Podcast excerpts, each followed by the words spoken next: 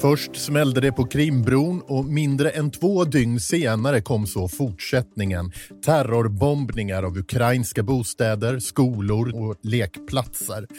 De senaste dagarna så har konfliktnivån i det ryska storanfallet på Ukraina skärpts betydligt. Hur oroliga bör vi vara? Dagens Studio DN handlar om de dödliga bombräderna mot civila mål i bland annat Kiev, Dnipro och Charkiv. Och jag heter Johan Hilton. Välkommen Ingmar Neveus. Hej. Du är Europakorrespondent här på DN. Eh, vad är det som händer just nu? Ja, som du säger så utsattes ju Krimbron då för ett attentat som de flesta tillskriver ukrainska specialstyrkor eh, i lördags. Och eh, det här eh, anfallet då mot eh, en rad ukrainska städer är ju Putins hämnd för det här. Det, det, säger han själv. Kievs centrum har inte bombats under kriget tidigare. Och alltså det, det är lite grann en ny fas då mm. i det här kriget, som en upptrappning. Varför just civila mål? Ja, från rysk sida så hävdar man ju å ena sidan att det är inte att det är infrastrukturen man slår emot. Då. Men det är ju civil infrastruktur och det, det är ju eh, som du säger, det är till och med en lekplats och skolor och annat som har drabbats. Men just det här med infrastruktur, då, det är något som eh, hökarna, krigshökarna i Ryssland har efterlyst i flera månader. Att vi måste slå till hårdare mot Ukraina. Vi måste se till att de inte har någon el och vattenförsörjning.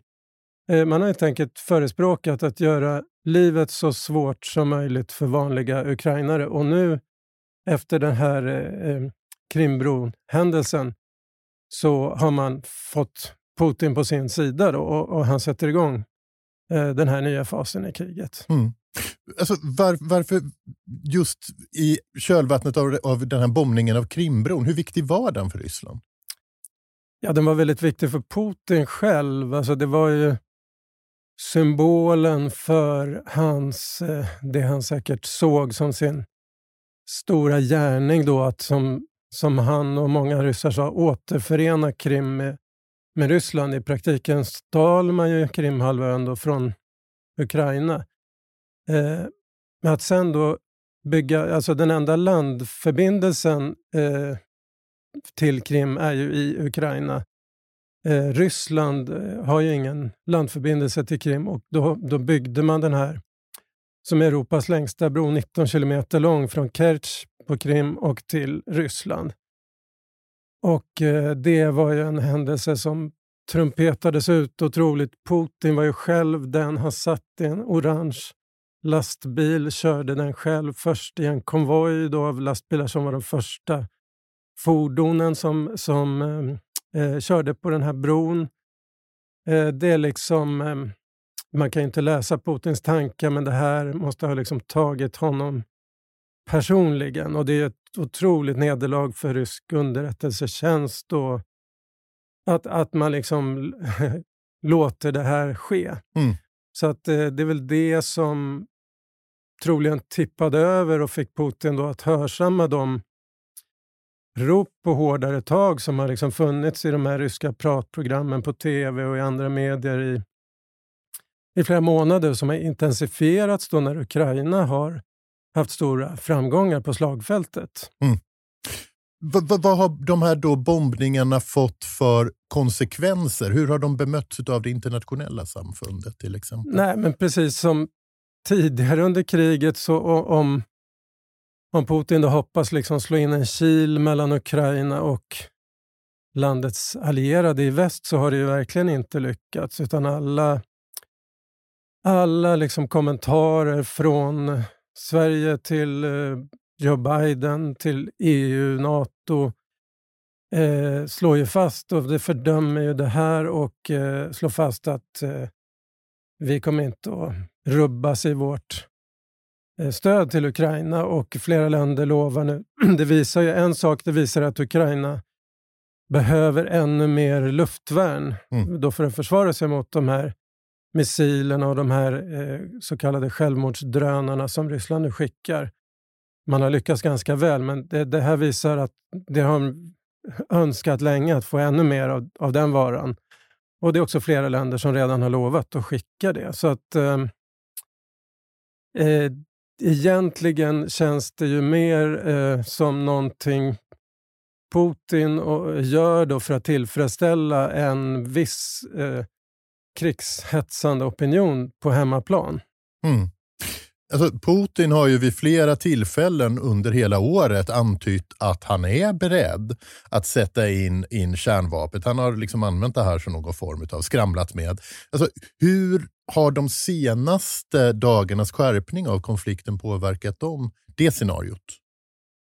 Nej, men det, man kan ju såklart inte utesluta det. Um, samtidigt uh, så eh, han höll ett tal på, på måndagen då. Då noterade många att han faktiskt inte nämnde västländerna, eh, vilket han har gjort eh, och när han har skramlat med kärnvapen. Han nämnde heller inte eh, Rysslands kärnvapen då, utan det var väl mer en ja, ett försvar till den här konventionella upptrappningen med eh, terrorbombningar av, av ukrainska städer. Samtidigt sa han att var, varje, det kallas ju då terrordåd, det Ukraina troligen gjorde vid Krimbron, eh, varje sådant eh, eh, dåd kommer att bemötas proportionerligt, ja, hur han nu då mm. anser att det är proportionerligt att att bomba nästan alla större ukrainska städer. Eh, han, han viftade och skramlade inte då med kärnvapnen. Eh, sen finns många bedömare som, som fasar för att det här är en del i en upptrappning som så småningom leder till det. Mm. Framförallt det man kallar taktiska kärnvapen mm. eh, mot Ukraina. Eftersom det här en metodisk upptrappning då? Alltså. Eh, ja, eller att det liksom visar att alltså det, det här hökerlägret i Ryssland, deras teori eh, är ju liksom att man ska skrämma Ukraina till eh, underkastelse, till att eh, kapitulera. Och det är väl uppenbart för de flesta att det, det sker ju inte. Eh, och, då, och då kommer det här lägret att kräva ännu mer av samma sak. Och till slut finns ju risken då att man hamnar i... Ja, nu har vi bombat uh, i, i, två månader och mm. det är fortfarande inga tecken på vare sig splittring i väst eller på att Ukraina tänker uh, lägga ner vapnen. Mm. Och, och, då finns ju den risken att, att man... Och det kommer säkert uh, finnas röster som kräver, det har ju redan funnits, som Ramzan Kadyrov, den tjetjenske diktatorn. Han är ju hör ju till de som redan har föreslagit att man skulle använda då de som, vapen som ett väldigt understatement kallas taktiska kärnvapen. Mm. Vi ska prata mer om utvecklingen om Ukraina alldeles strax, men då ska vi faktiskt inta ett cypriotiskt perspektiv. Men först en kort paus.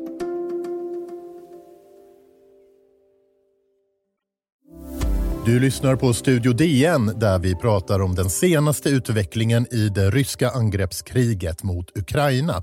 Och vi gästas av DNs Europakorrespondent Ingmar Nevius. Du anlade nyligen en rätt oväntad vinkel på kriget i ett DN-reportage som publicerades nu i helgen, för du åkte till Cypern. Varför gjorde du det?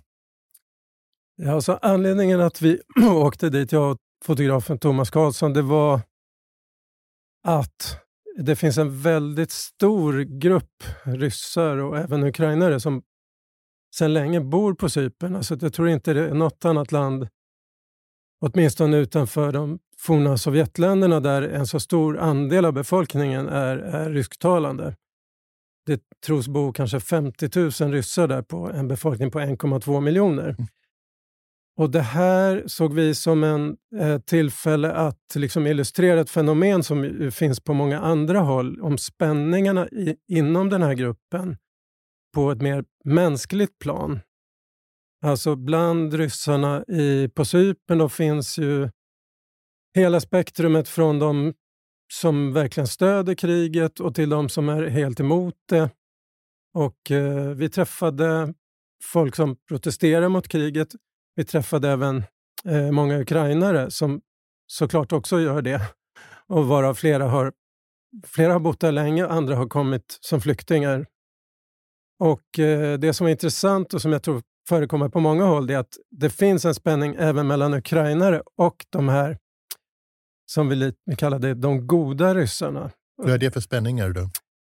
Eh, det, från ett ukrainskt perspektiv så är det många som liksom inte... Om man hårdrar det, de tycker inte det finns några goda ryssar idag. De tycker att de ryssar som nu är på till exempel Cypern och som protesterar mot kriget, de borde åka hem istället och se till att Putin-regimen störtas.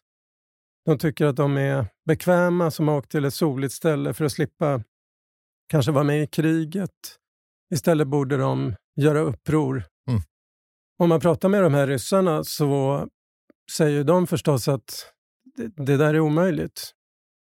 Eh, det går liksom inte att som enskild människa, idag vet ju alla vad som händer, du får inte ens nämna ordet krig, du kan åka i fängelse för ett like på sociala medier och så vidare. Och de tycker, hur kan ni kräva det här av oss? Vi, vi är också mot Putin, men eh, det går liksom inte. Ja, men alltså det som ändå slog mig i det här reportaget är ju att det ändå är flera ryska röster i det här reportaget som är så öppet kritiska mot, mot regimen. Hur kommer det sig?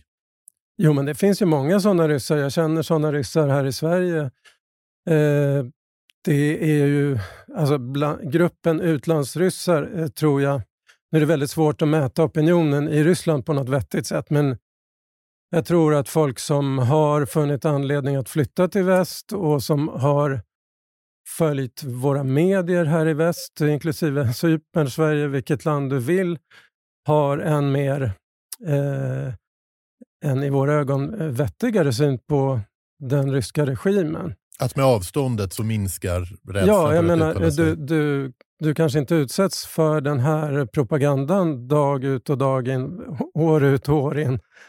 Utan du, och du, bland annat i den propagandan ingår en ständig svartmålning av livet i västländer som jag tror väldigt få eh, håller med om när de väl är här. Mm. Eh, så att det, det, är inte förvånande. Jag tror att eh, till exempel på Cypern en mycket större andel som aktivt, av flera skäl, det, det går ju, där går det ju att ställa sig och med eh, nidbilder av Putin och så mm. vidare. Det kan du ju inte göra i Ryssland. Eh, så att det, det, är rätt stort. Däremot så de, den här gruppen som stöder Putin, de ligger mera lågt just nu. Mm. Eh, och eh, de styrs av allt att döma mycket av Rysslands ambassad där nere. Eh, På vilket sätt då styrs? ja, alltså det förekommer en massa trakasserier då, eh, av de här ryska krigsmotståndarna. Eh, och det misstänker de med ganska goda skäl att det, att det i många fall är organiserat av Rysslands ambassad i Nicosia. Då. Mm. Hur inflytelserika skulle du säga att de här putinisterna är i denna befolkningsgrupp? Ja, du menar på Cypern? Mm. alltså, det är jättesvårt att säga, men jag tror många av de krigsmotståndare från Ryssland som vi talade med, de är ju rädda att även fast de befinner sig utomlands liksom bli angivna av krafter där och att deras släktingar och vänner ska trakasseras hemma för att de är då förrädare som har dragit i väst. Mm. Så att um, på det sättet, jag menar Putin-regimen har ju inte gjort sig känd för att låta förtrycket stanna på hemmaplan. Det har ju varit fall av förgiftningar, mord utomlands och så vidare. Mm. Mer högprofilerade, avhoppade spioner och sådana där saker. Men jag tror att många ryssar utomlands känner sig inte helt säkra. Det är också väldigt vanligt att de inte vågar framträda med namn. Bara mm. några få som vi träffade mm. gjorde det. Mot bakgrund av det som har hänt nu då de senaste dagarna, terrorbombningen och så vidare. Hur påverkar det läget bland dessa grupper på Cypern, tror du? Ja, alltså vi var ju där då. då det, det nya då var ju den här mobiliseringen eh, och eh, den ryska annekteringen av de här fyra regionerna i Ukraina. Det var det som upptog eh, såväl ukrainare som ryska krigsmotståndare. Eh, alltså då, jag har inte talat med dem efter den senaste helgens händelser. Mm. Men det är klart att det, de, de sa att det finns hela tiden nya saker att, att uh, protestera mot och uppröras över. Stort tack för det, Ingmar Nivius, Europakorrespondent här på DN. Studio DN är slut för idag. Om du vill kontakta oss så går det bra att mejla till studiodn dn.se. Kom ihåg att prenumerera på Studio DN där du lyssnar på poddar så missar du inga avsnitt som vi gör. Studio DN görs för Podplay av producent Sabina Marmulakai och Palmira Kokari Menga. Ljudtekniker Patrik Miesenberger. Teknik Oliver Bergman, Bauer Media och jag, jag heter Johan Hilton.